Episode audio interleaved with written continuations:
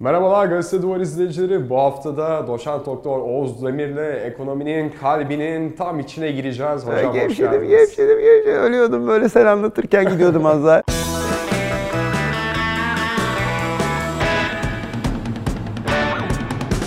Hocam sen hoş böyle, geldiniz. bak şimdi mesela hoş bulduk da sen böyle anlatırken başta böyle bir ciddi duruyorum tamam mı? Ben de fark ediyorum arada izliyorum kendimi tabii ki. Böyle sen Oğuz deyince öyle gidiyor. ah hocam demek ki demek ki hemen faturalardan konuşmalıyız. Faturalar. Hocam faturaları ne yapacağız yani? Ben geçenlerde e, akşam üzeri çayımı demledim. Televizyonun karşısına geçtim ve A Haber'i açtım. Şimdi orada bir enflasyon hesabı var. Sağdan topluyorum, soldan topluyorum. Ekonomiye dair bildiğim her şeyi hesaba katıyorum. Bilmediğim her şeyi hesaba katıyorum. Yine ben o enflasyonu tutturamıyorum. Neler oldu hocam? Bu duvar benim öğrencim. Ekonomi okudu bende. Hiçbir şey öğrenememiş açık söyleyeyim. Şimdi aslında sadece duvar öğrenememiş değil. Hiç kimse oradaki bu işi bilmiyor gibi davrandılar. Aslında bilmediklerinden de değil. Şimdi enflasyon ne? Fiyatların artışı. Şimdi Cumhurbaşkanı da aynı şeyi söyledi. Fiyatların artışındaki artışı hesaplıyor, hesaplayarak her şey iyiymiş gibi davranıyorlar. Mesela nasıl yapıyorlar? Diyorlar ki Türkiye'de enflasyon geçen sene %14'tü. Bu sene %36 oldu. İşte iki katına, iki buçuk katına arttı. Ama Amerika'da diyorlar %2 idi, %7 oldu. Üç buçuk katına arttı. Uf diyorlar. Halbuki böyle bir hesap olmaz. Bakın bunun hesabı şöyle Duvarcığım anlatayım yavrum. Bak 100 lirayken 114 lira olmuş. Tamam mı? Sonra bir de %36 artmış 156 lira, 157 lira olmuş. 100 liralık mal 2 senenin sonunda 157 olmuş. Kaç lira ödüyorsun sen 100 lira ödediğin mala? 157 lira. Amerika'daki 100 dolara aldığı mala 101, 108 lira, 108 küsür lira dolar ödüyor. Şimdi Amerikalı için do, 1 dolar hala 1 dolar. Anladın mı? Yani 100 dolardan 108 dolara gelmiş bir malın fiyatı. Bizde 100 liradan 150 liraya gelmiş. Şimdi biz diyoruz ki Amerikalı'nın durumu bizden daha kötü. Ya böyle bir ma- mantık var mı? Böyle bir hesap var mı? Yok tabii ki böyle bir hesap. Ama bu şunun gibi bir şey. Bir tane iyi bir şey bulalım da hani bu- bunu taklattıralım, maklattıralım. Milletin matematiği de kıt zaten 20 yıldır matematik öğretmiyoruz kimseye. Değil mi? Yani eğitim sistemi matematik. Kimle konuşsam matematik sevmiyor. Ben sözelciyim diyor herkes mesela. Ya diyorsun ki böyle hesap mı olur? Ben bilmiyorum anlatsın. Niye? Ben sözelciyim. Memleketin %99'u sözelci duvar. Yani matematik öğretmezsen işte bence bilinçli yapıyorlar. Ha. Matematiği öğretmiyorlar ki bu hesapları kalktıralım diye.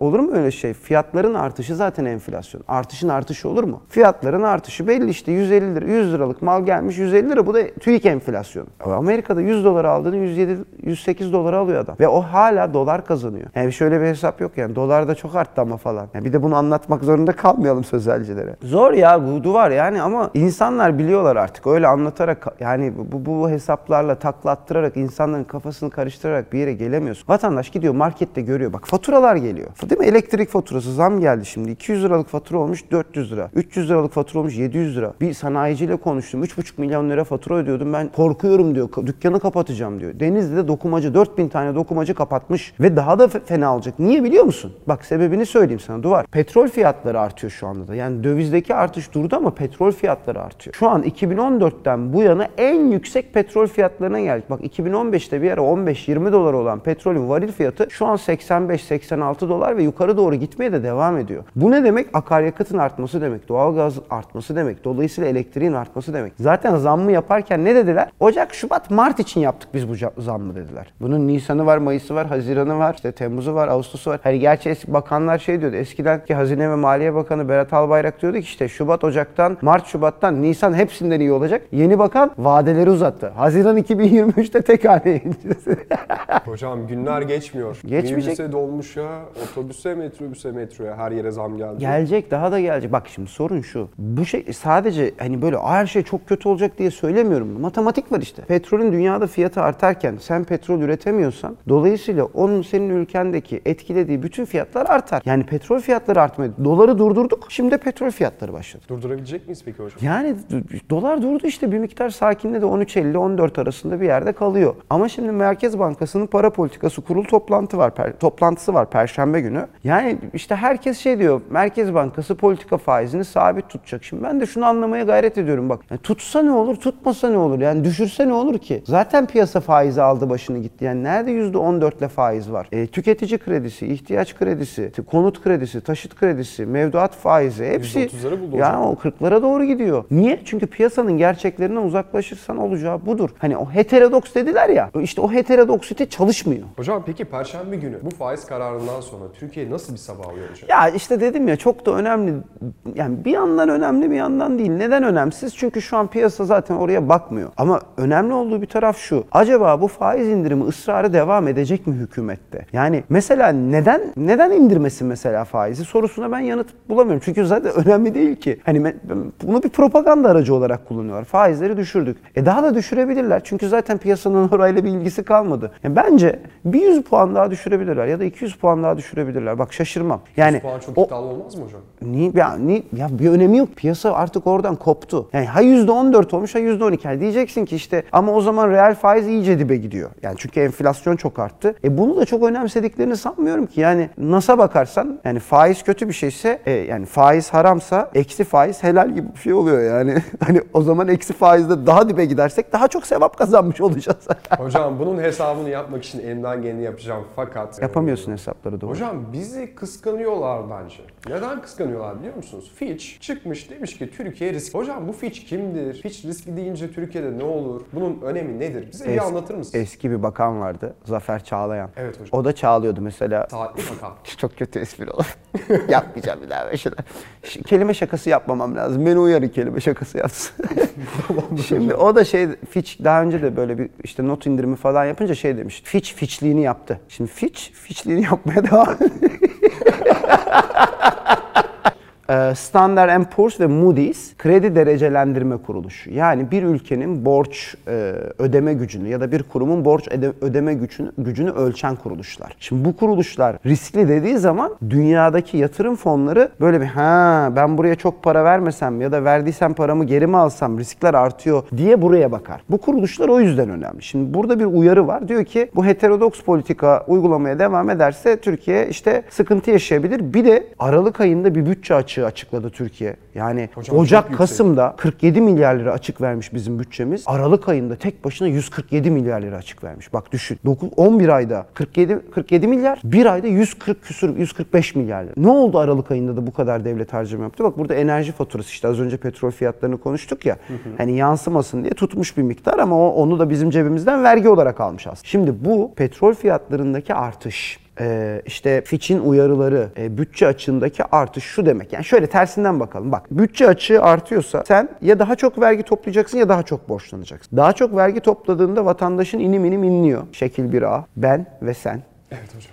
inliyoruz. İnliyoruz hocam. Gerçekten yani vurdu ve ses geldi derler ya hani Geldi yılbaşındaki vergi artışları vurdu ve bizden bir ses geldi, yani. hocam. Ya da borçlanacaksın. Şimdi borçlanacağın zaman içeriden borçlanıyorsun bir de dışarıdan borçlanman gerekiyor. Dışarıdan borçlanman açısından bu Fitch gibi, Standard Poor's gibi, Moody's gibi kredi derecelendirme kuruluşlarının yaptığı açıklamalar önemli hale geliyor. Maalesef ki 2022 yılında tahminimiz Türkiye'de borçlanma açığı artacak ve Türkiye daha zor borçlanacak. Türkiye'nin daha zor borçlanması ne demek? Tahvil faizlerinin daha çok artması demek. Tahvil faizlerinin daha çok artması ne demek? Piyasa faizlerinin daha çok artması demek. Yani o daha yüksek maliyetle vatandaş da borçlanacak. Hocam bu felaket demek. Ya felaket değil. Daha daha yüksek maaş. Şimdi sen şöyle düşün yani. Hocam daha ne kadar yükselebilir? Ya ekonomide felaket e, diye bir şey yoktur. Ekonomide felaketin içinde yaşamak diye bir şey var. Yani ve biz hani o felaketin içinde sürekli yaşıyoruz. Yani anladın mı? Mesela şöyle bir şeyle karşı karşıya kalıyorsun. Yani felaket şöyle felaket oluyor. Mesela bakıyorsun diyorsun ki fiyatlara bakıyorsun 100 lira. Bir sonraki ay bir bakıyorsun 150 lira. Sonra gidiyorsun bir bakıyorsun 145 lira. Ulan aa ucuzlamış falan diyorsun yani tamam mı? Aslında 100, 100'den 145'e gelmiş. Sen o felaketi içselleştiriyorsun. Dolayısıyla dibin dibi yok. Hani felaket şimdi bana kızacaklar felaket yoktur dedim diye ama yani felaket diye tanımlayamayız onu. O, o aşağı doğru. Derune. En derune iniştir o. En deruni yok. Saldık hocam kendisi. Salmadık. Salmadık. Salma diye bir şey yok ya. Aşağı doğru iniyoruz. Hocam siz şimdi derine, en derine dediniz. Derune. En derune. En derune derken derunun derunu varmış hocam.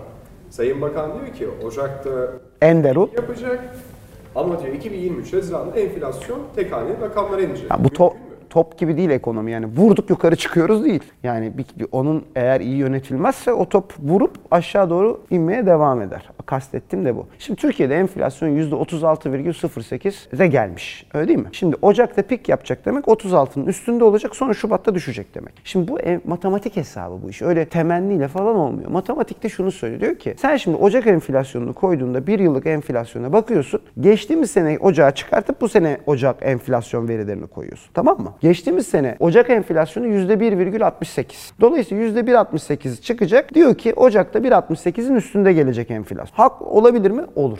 Dolayısıyla bir yukarı doğru gidecek. Çünkü %5, 6 gelirse hiç şaşırmam. Hatta 10 gelirse şaşırmam Ocak ayı enflasyonu. Bu zamlarla beraber. Ondan sonra diyor geç, önümüzdeki sene Şubat'ın enflasyonu çıkacak. O 0.90'lardaydı ya da 0.80'lerdeydi. Bu sene Şubat'ınki gelecek. Yani bu sene diyor Şubat ayında aylık enflasyon geçen seneki Şubat'taki enflasyonun altında kalacak. Ya bu mümkün değil. Yani bu fiyat artış süreci akaryakıtta, enerjide, petroldeki artış, maliyetlerdeki artış yavaş yavaş zaman içerisinde fiyata yansıyor. Nereden görüyoruz onu da? Üretici fiyatlarına. Mesela üretici fiyat endeksi şu an %80'lerde. Daha da yukarı gidecek. Bu ne demek? Üreticinin maliyetleri artmış, fiyatlara yansıyacak demek. Hemen mi yansıyor? Talebi buldukça yansıyor. Bu da zaman alıyor. Dolayısıyla biz Sayın Bakan'ın söylediği gibi Ocak'ta pik yaptık, Şubat'ta ondan sonra düşmeye başladık gibi bir durum söz konusu değil. Maalesef değil. Keşke olsa. Keşke haklı çıksa. Çünkü hepimiz bu pahalılığın içinde yaşıyoruz. Ama olmuyor. Bunu yapmak için. Ya bu şunun gibi. Konuşarak ekonomide sorunları çözemezsin. İcra etmek. Bir şey icra etmen gerekir ki düşsün. Ha bir de tabii şu da kötü bir söylem. Yani dedim ya az önce bakan e, eski bakanlar yine birkaç aylık bir şeyler söylüyor. Yeni bakan Haziran 2023'e tek yani. Ben hatırlıyorum 2018'de, 2019'da, 2020'de her ay bir bakan çıkardı ekonomiyle ilgili. Önümüzdeki ay tek hane enflasyon olacak falan der tamam mı? Şimdi Haziran 2023 bak ekonominin durumunun pek de iyi olmadığını hatta hiç iyi olmadığını gösteren basit ve bunun da hükümet tarafından kabul edildiğini gösteren bir bilinçaltı açıklamasıdır. Eskiden bakanlar iki ay sonra tek haneye ineceğiz diyordu. Şimdi bak Haziran 2023'te tek haneye ineceğiz diyor. Niye Haziran 2023 diyordu var? Ne var Haziran 2023'te? Her şey seçim mi yani? O zaman mesela erken seçim olursa daha mı erken tek ineriz mesela? Öyle olmayacağı için işte öyle olmayacağı için işte o seçim Haziran 2023'te olacak diye diretiyorlar. Çünkü bir umut belki Haziran 2023'e işleri düzeltebilir. Ben de şunu söylüyorum. Fark etmiyor. Bir an yani ne kadar hızlı düzeltirsek işleri hepimiz için iyidir. Ondan sonra seçiminizi yaparsınız. Hocam son soru. Gene mi? Geldik mi? Sonuna geldik mi? Geldik hocam. Ya ne çabuk geçiyor zaman. Yine burada mıyız hocam? Her zaman, her hafta eğer Covid, Movid fa- falan filan bir şey olmazsa buradayız. Sorular hocam. Buraya. Teşekkürler hocam.